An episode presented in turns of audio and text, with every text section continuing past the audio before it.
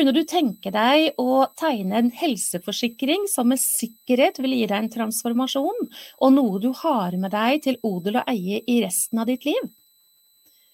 I forhold til å komme deg ut av uro, i forhold til å kunne stå støtt når livets vind kommer, for det gjør den for alle sammen, det er ingen av oss som blir spart.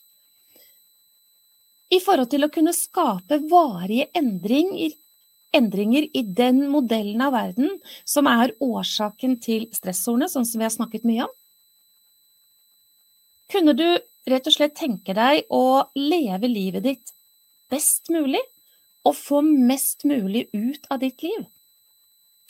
Jeg tenkte på det i dag, nå er det jo 8. mai, da, og det er jo en stor dag for vårt land. Det er det sikkert mange av dere som har tenkt på, og det er vært flagget eh, mange, mange steder i dag. Det er jo så nydelig, nå begynner det å bli grønt mange steder i landet, og flagget er heist, og vi blir minnet om denne frigjøringsdagen som er av stor betydning. Og det fikk meg jo til å tenke, tenk om man kunne bli fri, da fra det som hindrer en i å leve et liv med livskraft og kvalitet. I det å bo i en best mulig kropp og ha et trivelig sinn å være sammen med. I det å kunne sette foten på bremsepedalen for stress og la kroppen få muligheten til å bedrive et helsefremmende og forebyggende arbeid istedenfor det motsatte, sånn som vi har snakket om.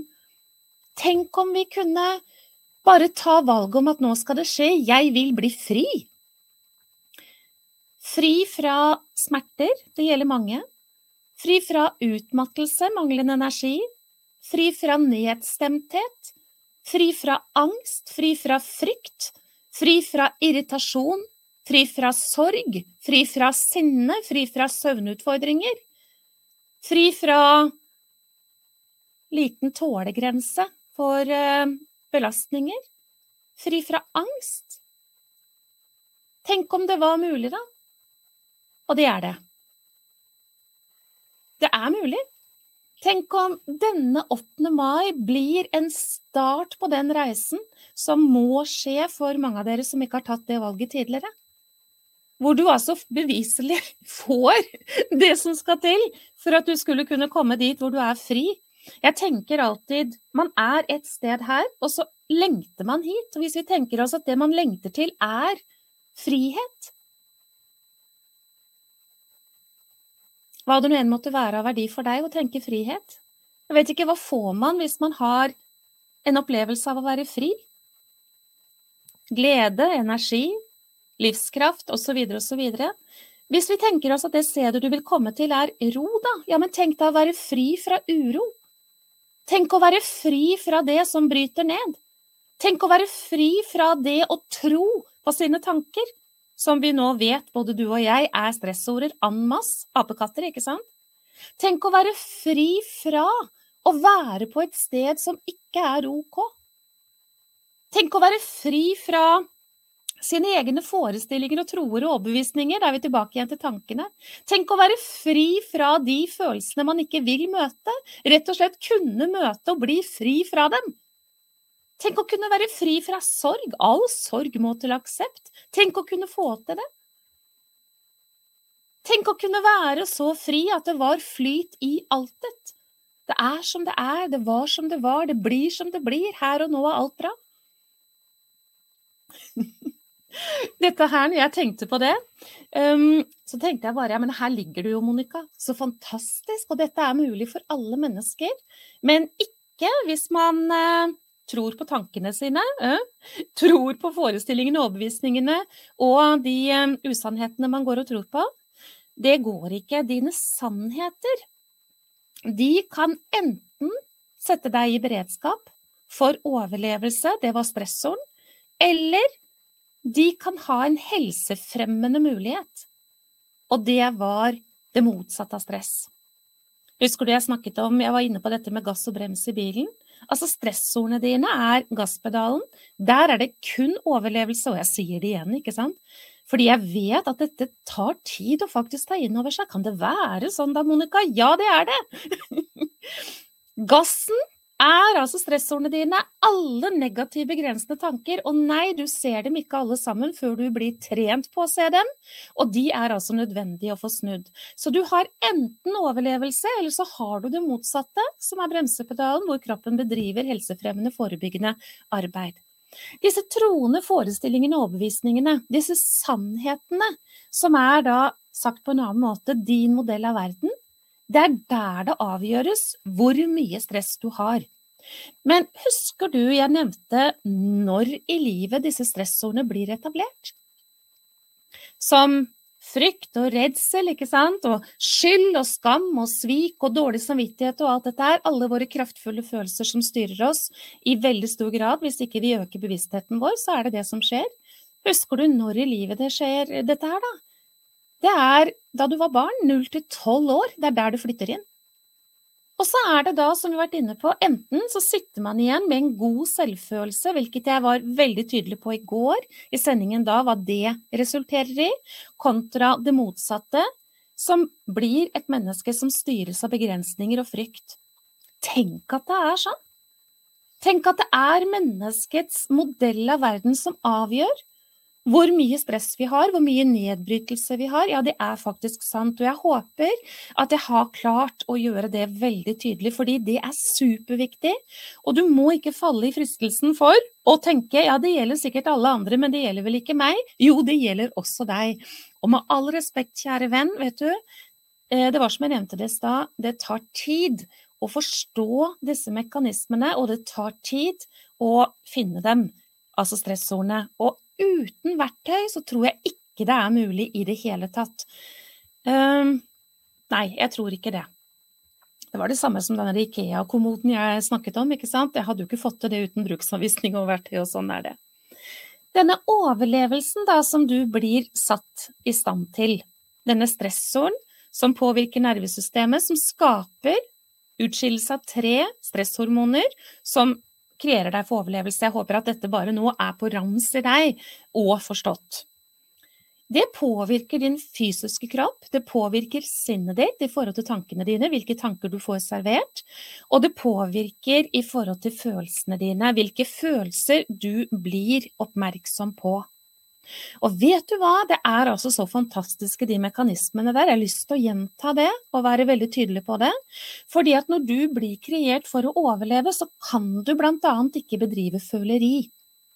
Så veldig mange mennesker de går rundt med skyhøyt stressnivå uten å kjenne signalene som jeg har drevet og snakket om, inntil det faktisk smeller. Og det hadde vært egentlig litt interessant om jeg hadde ført statistikk over alle de menneskene jeg har møtt, som møtte den berømte veggen, sånn som vi snakker om det, ikke sant, altså bare hva skjer her nå, jeg fungerer ikke, som om det kom ut av det blå. Men ingen av de menneskene der har egentlig ikke fått beskjed men de har vært bedøvet fra å ta imot. Og det er litt viktig for meg å presisere det, fordi at uh, hvis ikke mennesket i vår tid får en balanse mellom uro og ro, og får en balanse mellom gass og brems, sympatisk, parasympatisk, så er det den veien det går. Vi lever i et samfunn vi faktisk ikke tåler. Og det syns jeg nok må kunne bekreftes i forhold til hvor mye uhelse vi har i vår tid når det gjelder fysisk og psykisk utfordringer. Det er voldsomt mye. Og det er jo litt rart da, når vi driver og elter og velter oss i alle de mulighetene vi har i uh, vår del av verden. Så denne cocktailen, den gjør da Overlevelse trumfer alt. Du kan i verste fall bli fullstendig bedøvet inntil du møter veggen. Og det er sånn dramatisk og hardt å si det, men dette er jo det som faktisk foregår.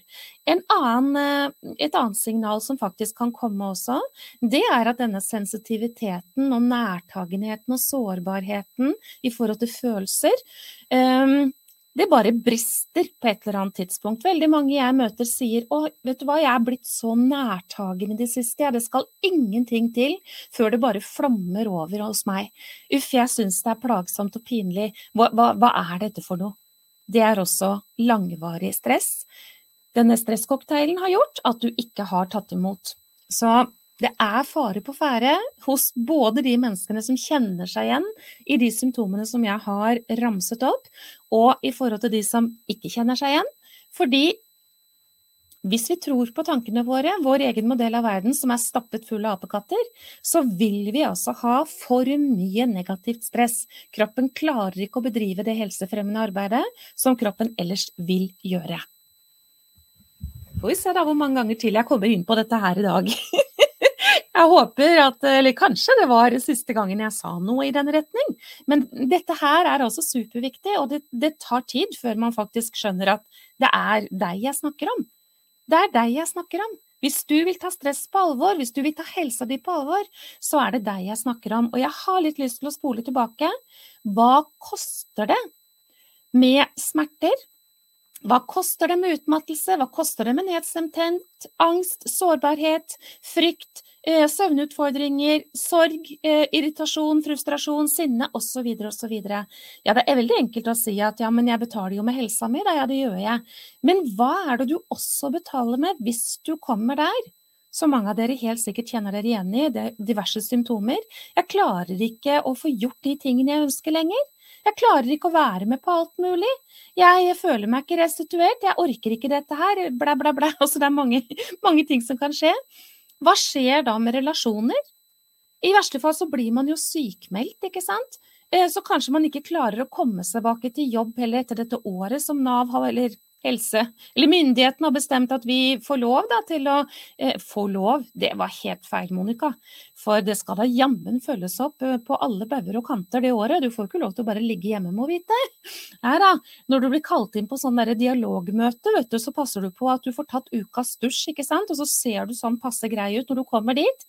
Og så er det ingen av de du har snakket med som ser at du ligger en uke etterpå. De er jo ganske typisk. Men i verste fall da, så kommer du deg ikke tilbake i 100% jobb eh, etter dette året. Kanskje ikke i det hele tatt. Så går du ned i lønn, da. Hva skjer da i forhold til livet ditt? Hva er det du egentlig betaler med? Du betaler på alle bauger og kanter. Du betaler med relasjoner, du betaler med trivsel der hvor du oppholder deg, for du klarer ikke å få gjort de oppgavene som du alltid har trodd at du måtte gjøre. Du betaler i forhold til fritida di, du orker ikke, og du kan ikke, og det går ikke, og etter hvert så strekker ikke pengene til heller, osv., osv. Du betaler på alle bauger og kanter, og hva betaler du i forhold til relasjoner når f.eks. irritasjon, frustrasjon og sinne øker? Eller nedstemthet?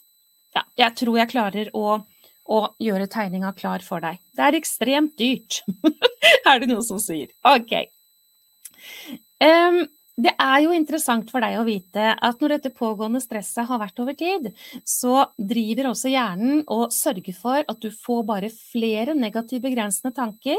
Du får katastrofetanker, du får tankekaos, det bare kjører på for å opprettholde stresset. Så hvis du kjenner deg igjen i det at det er jo ikke ro i dette hodet, og nå begynner jeg å skjønne at jeg driver og tror på og, og, og bekymringer, og jeg holder på, men hvordan skal jeg bli kvitt dette her? Eh, ja, det blir du ikke, med mindre du faktisk gjør det som skal til for at du skal bli kvitt det. Men jeg vil at du skal se at det henger sammen, for det er superviktig å forstå at når kroppen er skrudd på overlevelse, så, så skjer det fysisk, mental tanke, hva det er som kommer til sinne, hvordan vi ser verden, vi har, hvordan vi har fokuset vårt, rett og slett. Det er veldig mange mennesker som får økt frykt i den eh, fasen der hvor eh, det bare eskalerer. Eh, bekymringene det tårner seg opp. Det er ikke altså noen ting som er greit. Og dette med føleri, nei, det holder vi ikke på med. Inntil det eventuelt brister og vannet renner over. Fordi det kan komme på et eller annet tidspunkt. Jeg var litt inne på dette her med bil også i går. Gass og brems har jeg snakket om, vet du. Og så har jeg snakket om lampene som lyser i bilen. Og jeg bare lurer på, har du tenkt tanken på hvor dyrt det blir dersom du ikke får den bilen din på verksted hvis den lyser? Jeg vil bare at du skal trekke noen paralleller. Du, du, du, kan jo ikke si til verkstedet, hvis du er avhengig av den bilen din, nei, vet du hva, jeg har ikke mulighet til å betale den regninga. Ja, du må bare finne en eller annen løsning, du. For det er, jo, det er jo ikke snakk om annet. Ja, men det er klart, jeg må jo finne ut av det. Bil må jeg jo ha. Men har du tenkt på helsa di i forhold til hva du holder på med der, også når det gjelder økonomi? Ah, det er interessante tanker. Vi betaler med helse hvis ikke vi klarer å holde orden på disse eh, stressordene våre. Og det gjør vi ikke hvis vi driver og tror på tankene våre, fordi modellen av verden den er full av stressorder, sagt på en annen måte i denne workshop, apekatter. Så når jeg spør deg hva skulle være ditt hvorfor i forhold til å finne veien til varig endring, så håper jeg at jeg har klart å belyse noen ting nå som eh, skaper noen tanker for deg rundt det. For hvis du ikke har et sterkt hvorfor, så kommer du til å sabotere for muligheten.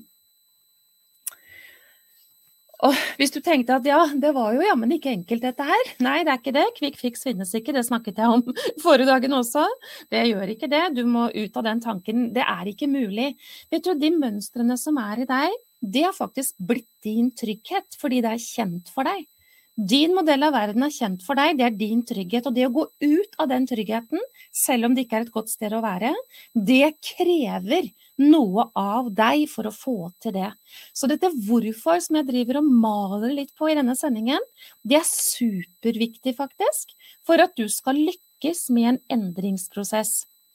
Det å klare den reisen der alene, uten kart, nøkler, og få dette her, det som skal til, og en som passer litt på deg, vet hvor du er hen hele tiden i landskapet, og vet også at disse sabotasjetankene og sabotørmulighetene lurer i, i både gresset og i bak trærne og overalt, liksom, eh, så tror jeg nok at eh, de fleste de gir opp.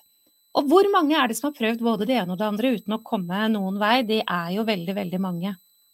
Et eksempel på det der er jo annet uh, tanken om hvor mange er det som leser selvhjelpsbøker uten at man skaper noe endring i det.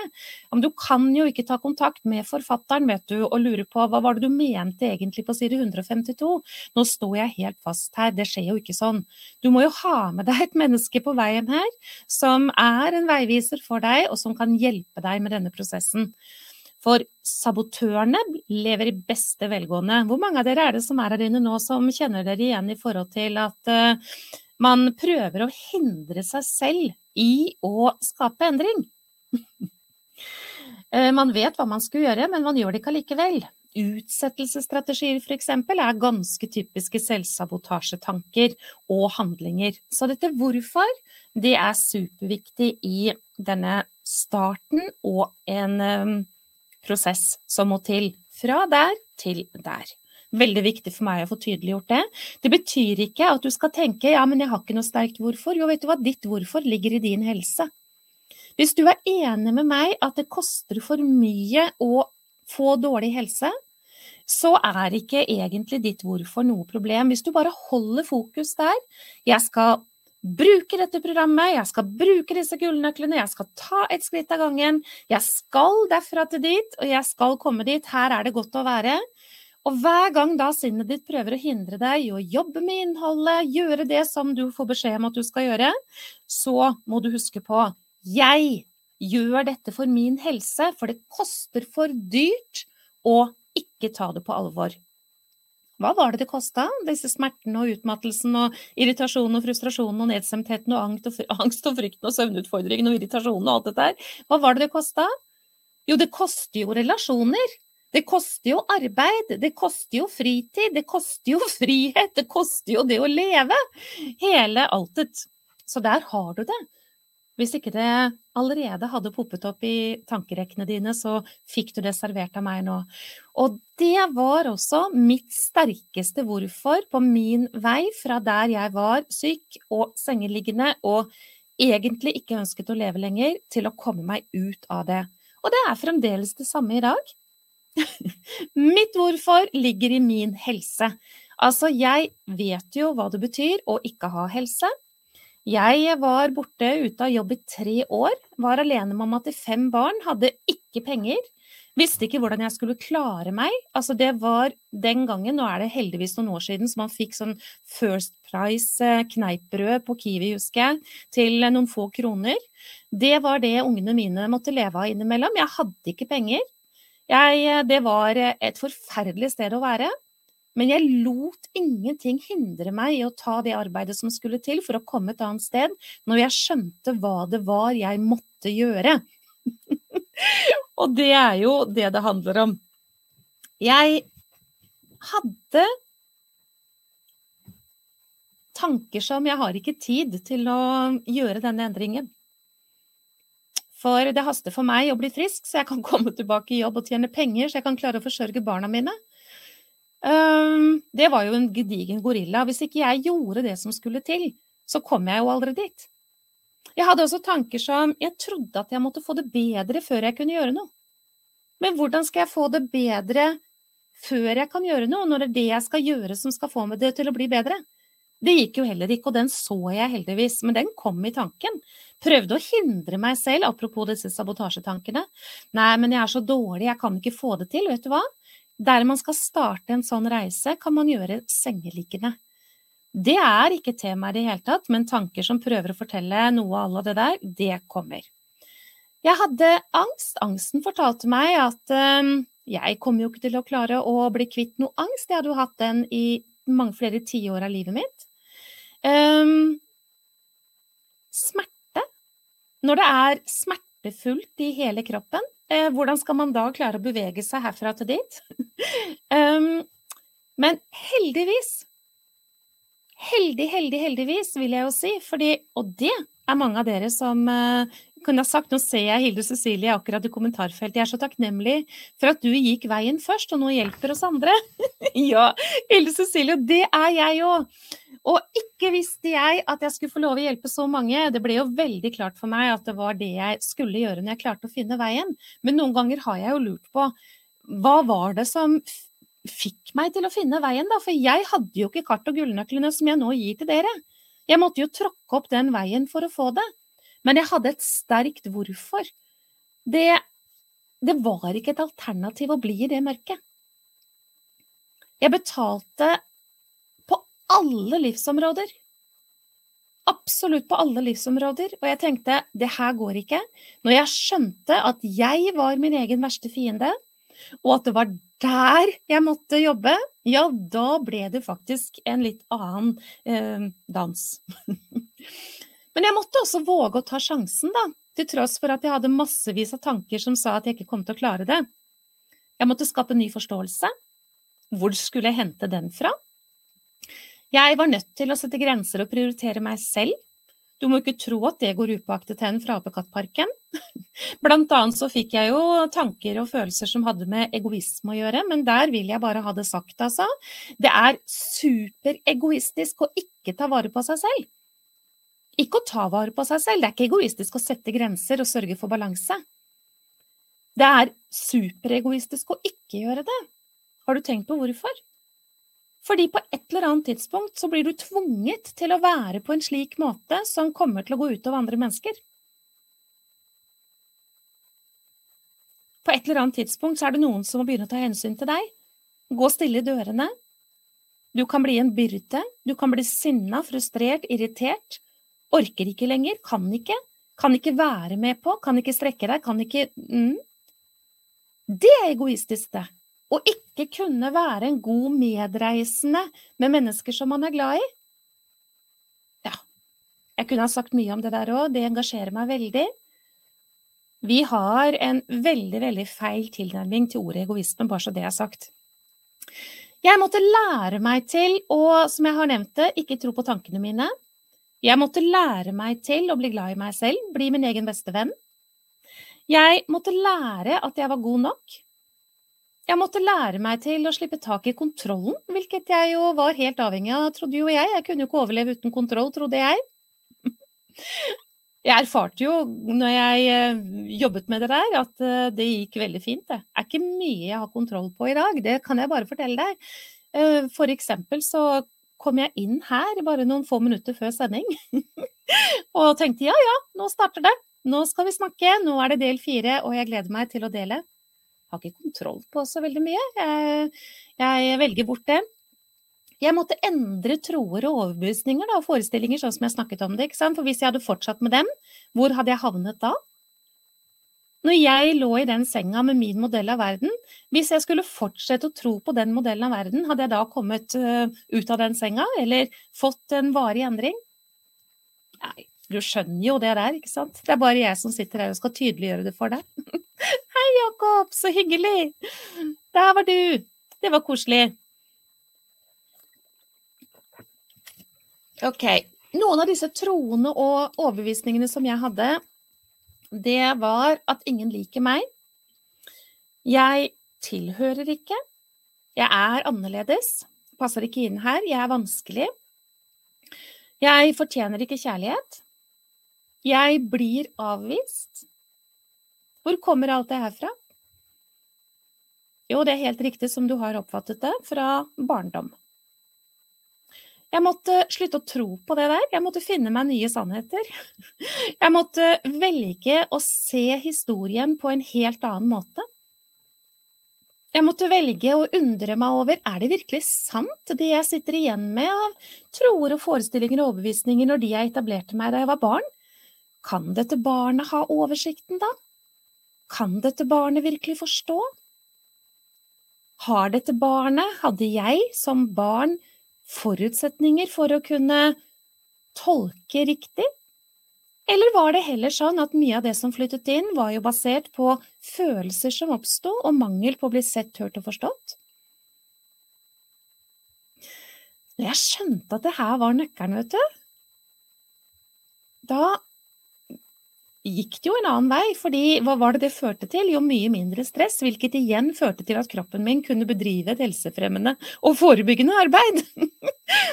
og det var jo, jeg må jo si det, altså, jeg eh, var jo der hvor jeg hadde mye smerter, og jeg var stiv fra, fotsål, fra hælene og helt opp til toppen av hodet i årevis.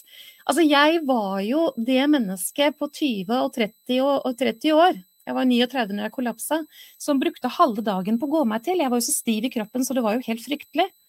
Den dagen jeg gikk ut av senga og oppdaget at kroppen min ikke var stiv, ja, da ble det fest. det, hadde noen sagt til meg at jeg skulle komme dit, jeg hadde aldri trodd på det. Langt mindre at kniven innunder skulderbladet skulle bli borte. Langt mindre at hukommelsen skulle fungere igjen. Langt mindre at jeg skulle få tålmodighet og ikke ikke kjenne på sinne, frustrasjon og irritasjon over ting som jeg vanligvis reagerte voldsomt på. Hadde noen sagt til meg, du vet hva, Monica, du kommer til å leve ditt liv i balanse. Du kommer til å sove godt om natta. Du kommer til å bli glad i deg selv, og du kommer faktisk til å slutte fred med historien din. Du kommer til å gå ut av det å være et offer for det som skjedde, det som ble servert av mennesker som ikke kunne servere annet. Og ta eierskap til hvordan du skal leve livet ditt, fordi livet ditt er viktig. Leve livet ditt til det beste hver eneste dag, Monica, det kommer du til å gjøre der fremme. hadde noen sagt det når det var på det mørkeste, hadde jeg aldri trodd på det, men vet du hva? Sånn ble det. Så på tross da, av mangel på tillit til at det var mulig. på tross av smerter og angst og utmattelse og alt dette her som var mitt. På tross av mangel på tid. Jeg hadde jo ikke tid, jeg måtte jo komme tilbake i jobb. Hvordan skulle det gå? ikke minst økonomisk. På tross av det, på tross av frykt, på tross av oppoverbakker, utforkjøringer, apekattfest i toppetasjen, på tross av alt det der. Hvordan fikk jeg det til? Jo, jeg hadde mitt hvorfor. Det var meget sterkt. Jeg ville ikke lenger være et menneske som skulle ha det på den måten jeg hadde det. Jeg tok eierskap til endringsprosessen. Nå var det nok. Og når jeg skjønte at det var min modell av verden, og det som hadde flyttet inn, det som var i barnet i meg selv, så skjønte jeg også at her kan jeg faktisk gjøre noe. Her er det mulig å gjøre noe! Yay! Men for å kunne gjøre noe, så måtte jeg starte ett sted. Og det var på steg én, vet du. Husker du videoene? Få inn bremsepedalen i nervesystemet, trykke på bremsen, for hjelpe kroppen til å slippe foten opp av gassen. Og det var å begynne å gjøre helsefremmende bevisst pust. Liggende i senga på spikermatte, riktignok, for det var Når kroppen var så vond som den var, så var det eh, for meg det eneste som lindra smertene i ryggen min. Så jeg lå i flere timer hver dag på spikermatte. Tenk deg det. Når jeg skjønte at eh, du og jeg har fått en gave fra skaperverket i det å kunne overta pusten, og begynne å puste helsefremmende bevisst pust, der ble det gitt meg en nøkkel. Fordi at når man gjør det, så vil nervesystemet bli påvirka omgående. Parasympatisk, ikke sant, det var bremsen, med en eneste gang når man begynner å gjøre helsefremmende pust. Så starter den prosessen med en eneste gang. Det betyr ikke at man kommer inn i en sånn veldig salig og rofylt tilstand med en gang når man starter på dette her, men jeg kan fortelle deg, i nyere tid så er det ikke mange av de åndedragene der jeg trenger før jeg er fullstendig rolig. For mitt system er koblet på det, og jeg har ikke veldig mye av disse stressordene i livet mitt i dag, for jeg tror ikke på apekatten, er enkelt sagt. Så det startet med å begynne å puste. Og nå vil jeg ha det sagt at nei, det er ikke nok. Men når foten flyttes fra gassen til bremsen, da er vi i bilen igjen, ikke sant, så påvirker det også sinnet. Så for å kunne jobbe med denne her modellen av verden, da, for å kunne hile barnet, som er en nødvendig brikke i dette her, for å kunne lure på om det man tror på er sant, for å kunne undre seg over kan jeg se dette på en annen måte, hva trenger jeg nå? Hva er, er dette viktig for meg? Trenger jeg å dvele i fortiden? Trenger jeg å være i fremtiden, eller kunne jeg tenke meg å ha tillit til egne ressurser? For å kunne ta det mentale arbeidet som må skje, ja, ja, ja, ny modell av verden, det er ingen tvil om det. Det er nødt til å skje. Men for å kunne få det til, så må foten på bremsepedalen. Og der, den overgangen der, den er helt suveren ved å gjøre bevisste pust. Så der starter programmet Din vei til indre ro. Faktisk ved å ligge rett ut, gjerne i senga eller hvor som helst, og begynne å gjøre den pusten som beviselig setter foten på bremsen for stress. Og da responderer jo fysisk kropp, absolutt alle prosesser, Hormonsystemet og fordøyelsessystemet og muskelsystemet og nervesystemet og sirkulasjonssystemet, og hjernen responderer i forhold til mentale prosesser og alt det, og det påvirkes også emosjonelt. Ja da, alt det. Men nei, det er ikke nok. Hadde det vært nok, så hadde vel ingen av oss hatt de utfordringene som majoriteten går rundt i vår tid og har, fysisk, psykisk. Nei, det er ikke nok. Men det er det første steget, og det var der min reise også startet. Eh, det var veldig mye jeg skulle lære da. Jeg var inne på noe av det. Eh, det slo meg nå om jeg klarte å få sagt at jeg måtte prioritere meg selv. Jeg måtte rett og slett begynne å sette Altså, hjernen min måtte trenes til at det var greit at det her ute av og til fikk lov til å vente. At det, det brenner ikke alltid her ute, men det brenner her inne. Og jeg måtte lære meg til å si nei, jeg måtte lære meg til å sette grenser. Og jeg, som jeg sa, det husker jeg at jeg sa, apropos hukommelse, jeg måtte lære meg til å elske meg selv, og jeg måtte slutte fred med historien. Hadde ikke jeg tatt dette første skrittet som ligger i pusten, og hadde ikke jeg hatt mitt ord for, så hadde ikke jeg sittet her nå.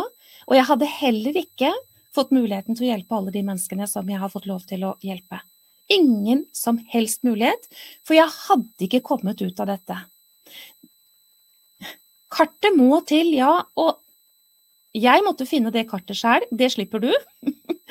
og nøklene som låser opp disse hindringene fra her til der, det måtte jeg finne opp sjøl. Det slipper du, for jeg eier dem og kan gi dem til deg, og det er jo veldig fint. Men uten dette her, så hadde jeg blitt på det samme stedet.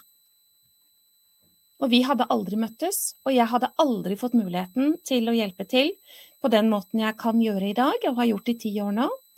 Det er ingen mulighet, og jeg tør nesten ikke å tenke på hvordan livet da hadde vært om jeg i det hele tatt hadde levd. Det er jeg ikke så sikker på, faktisk. Det er beintøft å si det. Men det var så mørkt enkelte ganger at jeg var jo overbevist om at også mine fem barn ville ha det bedre uten at jeg var til stede. Så det er ganske dramatisk. Men jeg tok jobben. Jeg eh, tok jobben i det indre arbeidet. Er du klar over at du rommer hele deg? Og jeg snakket om null til tolv år, ikke sant? Barnet. Barnet lever i beste velgående i deg, det er mønstrene dine som avgjør hva du tror på, og tanker og forestillinger og alt dette her er. Det barnet må få kjærlighet fra deg, må bli sett, hørt og forstått fra deg for å kunne bli healet. Det barnet trenger å få vite noe som du vet i dag, som barnet ikke visste. Jeg husker, og det, jeg har lyst til å dele det med deg, uh, kjenner jeg, derfor gjør jeg det. Jeg husker første gang jeg skjønte at uh, jeg hadde forstått noe som barnet ikke hadde forstått. Og det var knytta til min mamma. Og det var en historie som skjedde da jeg var noen år gammel, og vi hadde campingvogn. Og så skulle vi gå fra sanitæranlegget, vi hadde jo stelt oss for kvelden, til campingvogna. Jeg skulle sikkert i seng. Og så skulle de andre feste, for det var sånn det var hver gang vi var der. Men i alle fall, um, på den veien, grusveien fra toalettet og alt sånt, så forsøker jeg å ta hånda til mamma når vi går ved siden av hverandre. Men det lille Monica oppfatter, det er at mamma løfter hånda si og ikke vil holde meg i min. Og den avvisningen som jeg opplevde spesifikt i den situasjonen, den brant seg inn i meg. Og på et eller annet tidspunkt så skjønte jeg Men visste egentlig barnet om mamma klødde seg i nesa?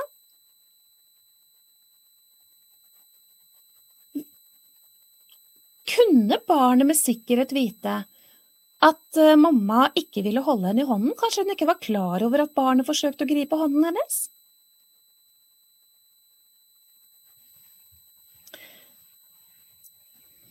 Apropos dette arbeidet med det indre barnet, hvilket er nødt til også å være en del av denne reisen, for det er jo sporene på fabrikken da, som vi har snakket om det, så er det noe med å kunne fortelle det barnet noe som barnet ikke visste. Og der starter det en healing som er nødt til å skje hvis vi skal få den transformasjonen som vi kan få, og slippe å betale, mm, sånn som jeg snakket om det innledningsvis.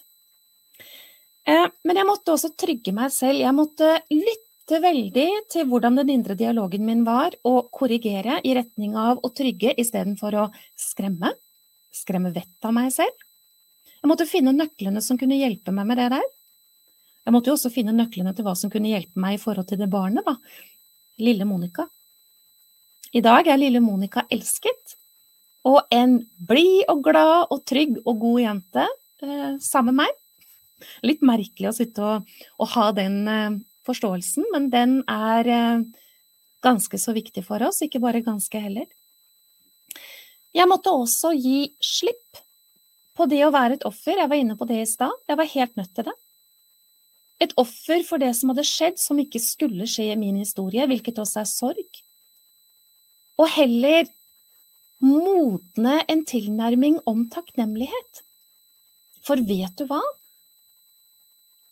Hvis jeg ikke hadde fått det som jeg fikk, som var med på å bryte meg ned i veldig, veldig mange år og skape min modell av verden, så hadde ikke jeg vært meg.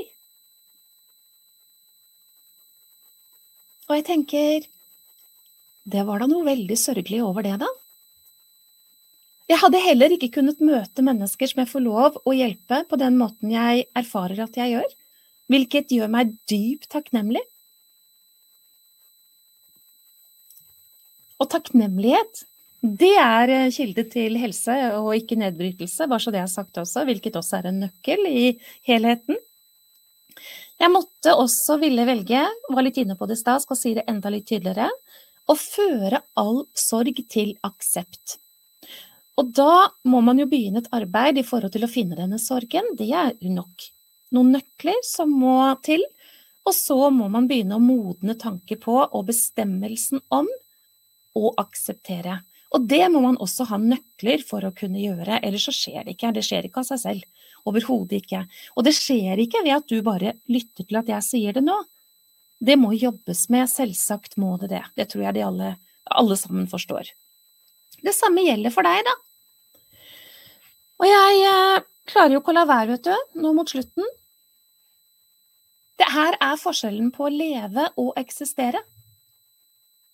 Det er forskjellen på uro og ro, som egentlig for mitt vedkommende er hovedoverskriften for livskraft, kvalitet, kontra det motsatte.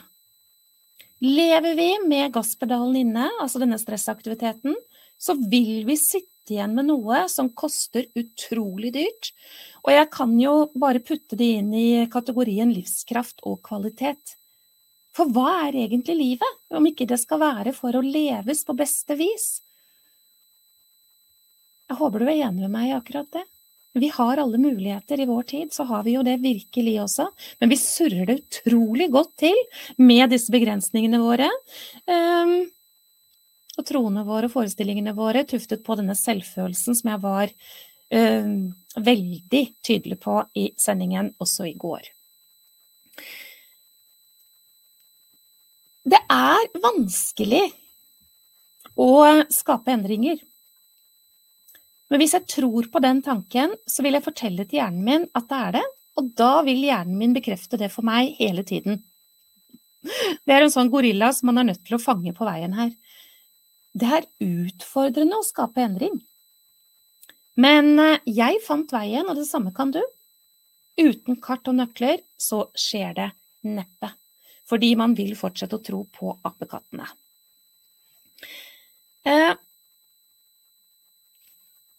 Eh, jeg skal bare tenke litt på om det er noe jeg eh, kjenner at jeg trenger å få sagt, som jeg ikke har sagt. Livet kommer ikke senere, det er nå, ja. Det må leves, sier Lise. Det er jo helt uh, sant, det. Det må leves nå. Kan ikke leve i fortid, det blir vi fort syke av. Kan ikke leve i fremtid, det går ikke. Veldig ofte så er det bekymringer som kommer i forhold til fremtid òg. Det er ikke, noe, er ikke noe greie der. Før, hvis jeg fortsetter litt da på hvor jeg var her, og som jeg kan kjenne igjen i forhold til mange av de som jeg møter, så var jeg redd for å bli avslørt som ikke god nok. Jeg var utrygg, lav selvfølelse. Jeg var bekymret for alt og alt og alle. Jeg var meget selvkritisk, jeg hadde skyhøye krav. Denne høydehopplista som jeg snakket om i går også, 4,5 meter på veldig mange av livets områder. Jeg hadde enormt behov for kontroll. Jeg hadde egentlig gitt opp i forhold til å få det bedre. Jeg hadde jo erfart at det ikke an å få det bedre. Jeg sammenlignet meg med alt og alle, og jeg fant meg selv alltid feil. Eh, det var alltid noe feil på meg, ikke på andre, men på meg. Jeg var opptatt av fasaden, hva andre mennesker måtte tenke og synes og mene og alt dette her. Jeg var et menneske som gjorde, gjorde, gjorde, gjorde, gjorde. Det var det eneste som var og kjent, trygt og kjent for meg, helt til jeg ble sengeliggende og ikke kunne gjøre lenger. Og jeg tok også i veldig stor grad ansvar for andre voksne menneskers følelser. Så jeg gikk på tå og hev og utslettet meg selv i frykt for at noen skulle reagere ut fra hva de hadde i seg, for dette skjønte jeg ikke i det hele tatt. Hvordan ser det ut her? um, her god nok. 100% verdi. Jeg er at jeg er. Jeg er trygg. Min egen beste venn. Jeg er i mitt eget hjerte som betyr aksept, respekt, anerkjennelse, medfølelse, tilgivelse, ingen dømming, ingen analyse. Snakket om det i en sending også. Akkurat passe er nok. Det er veldig langt unna hvordan det var for meg tidligere i mitt liv. Um, og jeg tar heller ikke ansvar for andre voksne menneskers følelser. Det jeg tar ansvar for, det er at jeg har en god intensjon alltid en god intensjon og forsøker i kommunikasjon å by på det som skal til for at jeg blir sett, hørt og forstått i forhold til det viktige budskapet jeg har å gi. Men hvis mennesker reagerer, så skjønner jeg i dag at det ikke handler om meg. Det gjorde jeg ikke før. Jeg trodde det var meg, og at det var jeg som var gal. Det var noe galt med meg. Det var jeg som var problemet. Det var jo jeg som skapte dette. Og det var veldig, veldig mye frykt. Ok, jeg snakket i stad om det starter med pust. Og så må man gjøre enda noen flere grep for å styrke nervesystemet. I forhold til hva jeg holder på med og anbefaler og erfarer, så er det å praktisere forskningsbasert og vel dokumentert verktøy som heter medieyoga. Og det er rett og slett medisinsk yoga, og før du nå får pustebesvær, om ikke du kjenner til medieyoga fra før, så må du ikke tro at du skal stå på hodet eller bygge bro eller klatre opp etter veggene. Nei, nei, nei. Du kan praktisere dette antistressverktøyet sengeliggende. Du trenger kun en kropp å bo i og en vilje til å ta imot og gi til deg for å kunne få det til. Dette blir gitt på blå resept i Sverige, svenskene ligger langt foran oss. Og vi har også medieyoga i helsevesenet i Norge. Det er flere steder det er. Og det er ingen som får lov til å undervise i medieyoga med mindre man har en helsefaglig bakgrunn. Selv så er jeg utdannet uh, terapeut og lærer i dette verktøyet og har undervist tusenvis av mennesker gjennom ti år. Jeg vet hva jeg snakker om. I tillegg til det så må man altså komme til livs dette med disse stressordene. Møte tanker på en ny måte, skape en ny modell av verden. Og det er helt nødvendig. Jeg, jeg, jeg satt og kjente på meg at det var noe viktig jeg ikke har sagt, um, som jeg nå kom på hva var. Og det er i forhold til nervesystemet. Jeg har jo snakket om at f.eks. angst, da. Jeg nevnte det i hvert fall i går, kanskje tidligere enn det òg er jo eh, et nervesystem som har en lav tålegrense. Og da er det jo veldig lurt å vite hva er det som styrker og hva er det som svekker nervesystemet, og det har jeg lyst til å bare bruke noen få minutter på nå. Så du kanskje blir enda mer klar over ditt hvorfor. For dette er avgjørende i forhold til hvordan du har det og i hvordan du tar det.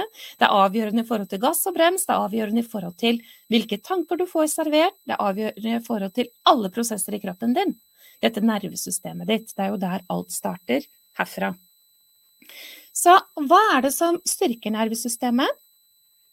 Det som står øverst på den lista, det er positive tanker.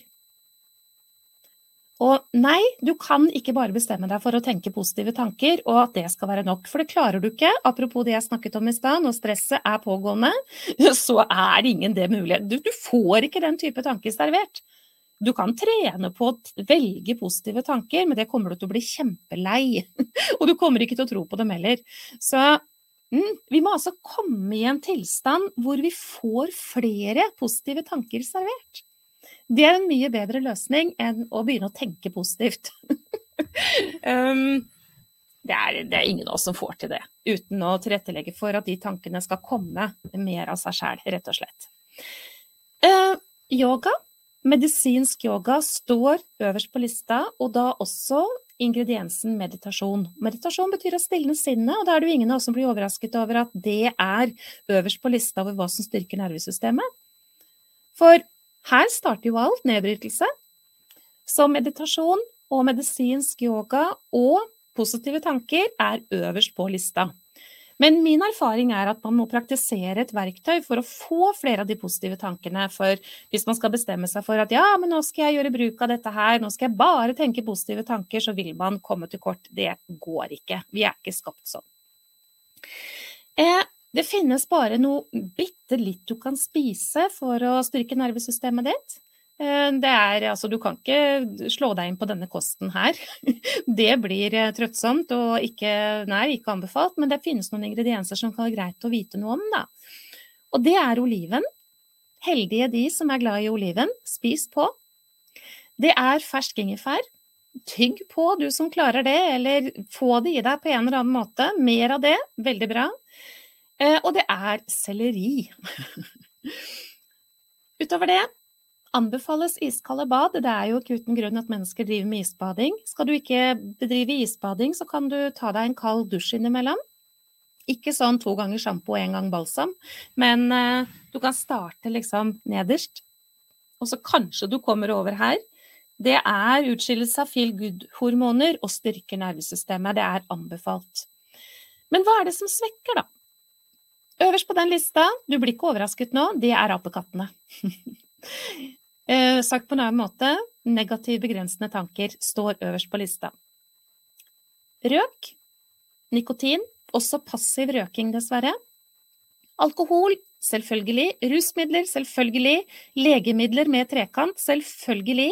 Hvitt sukker, selvfølgelig. Og mel. Og visste du at hvitt sukker kan være så triggende for mennesker med angst at det fremprovoserer angst i seg selv? Og det er veldig veldig trist for alle de som driver med typ selvmedisinering med sukker, eh, når man har ulike utfordringer. For det blir en veldig, veldig ond sirkel. Det kan ikke fortsette dersom man er der. Og så er det koffein, og så er det dessverre også sjokolade. Men vi vet at den mørke sjokoladen fra 80 eh, oppover, den har også noen gode antioksidanter til oss, så den eh, sier vi ikke at vi skal unngå. Men for å si det sånn, du klarer ikke å justere dette her med de ingrediensene jeg sa nå, med mindre du gjør det som sto øverst på lista. Hva var det på, på strykenervesystemet? Jo, det var da denne medieyogaen, da. Og meditasjon, hvilket er en del av programmet til Indre Ro. Og så er det jo da å komme til livs disse stressordene, negative tanker. Så vi må gjøre flere grep, og det er jo det som er så leit, ikke sant. For da kan man jo finne på å tenke at nei, men det gidder jeg ikke, og dette har jeg ikke tid til, og dette her er for omfattende, og dette får jeg ikke til, og dette kan jeg ikke, og dette Men vet du hva? Hva var det med ditt hvorfor igjen? Du kan ikke ha både begrensende tanker og et annet resultat. For du får ikke det. Du får ikke det resultatet du ønsker deg. Du kommer ikke herfra til dit med det samme greiene som du holder på med. Hvis du og jeg skal bake sjokoladekake, og vi blåser i å ta, ta i sjokoladen eller kakaoen, får vi da sjokoladekake? Nei, det gjør vi ikke. Vi bare fortsetter å gå i det samme, og det er vi veldig glad i, vi mennesker, hvis vi ikke får det som skal til for å skape en endring i årsaken. Finne indre ro uten å se helhet? Nei, jeg håper jeg har klart i forhold til dette med å fikse mennesker stykkevis og delt og gjøre det veldig, veldig tydelig. Ja. Eh, jeg har sett at det er mange som har skrevet i kommentarfeltet. Jeg har sett såpass at jeg blir dypt rørt og jeg håper at alle som nå skal velge å si ja takk til å skape endringer i livet sitt, leser hva det er dere har skrevet, både i forhold til denne sendingen, men også i forhold til de tre første. Fordi det er vakre mennesker som har delt fra sitt hjerte jevnt og trutt igjennom denne workshopen. Og hvis man lurer på, etter å ta imot det som alle dere skriver, så vet jeg nesten ikke. Da vil man faktisk ikke.